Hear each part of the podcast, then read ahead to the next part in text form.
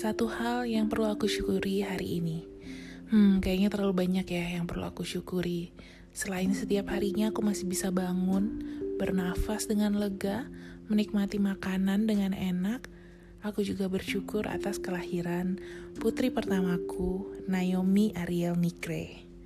Iya, aku melahirkan Naomi di tengah pandemi COVID-19 ini. Tapi aku bersyukur aku dikelilingi orang-orang yang sangat baik, teman-teman yang sangat suportif.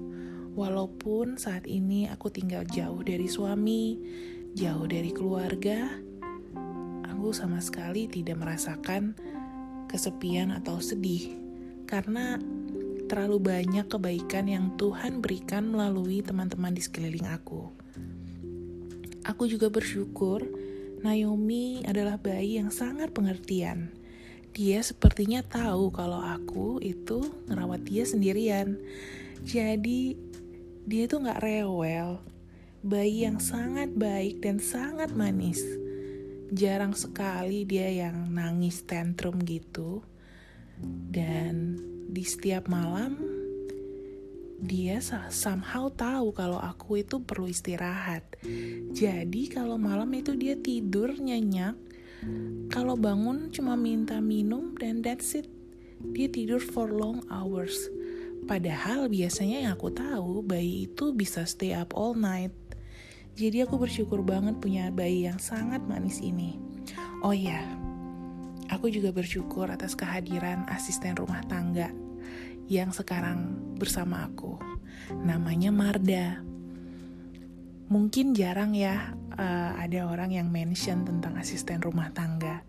Tapi di saat seperti ini aku benar-benar bersyukur atas ke kehadiran Marda.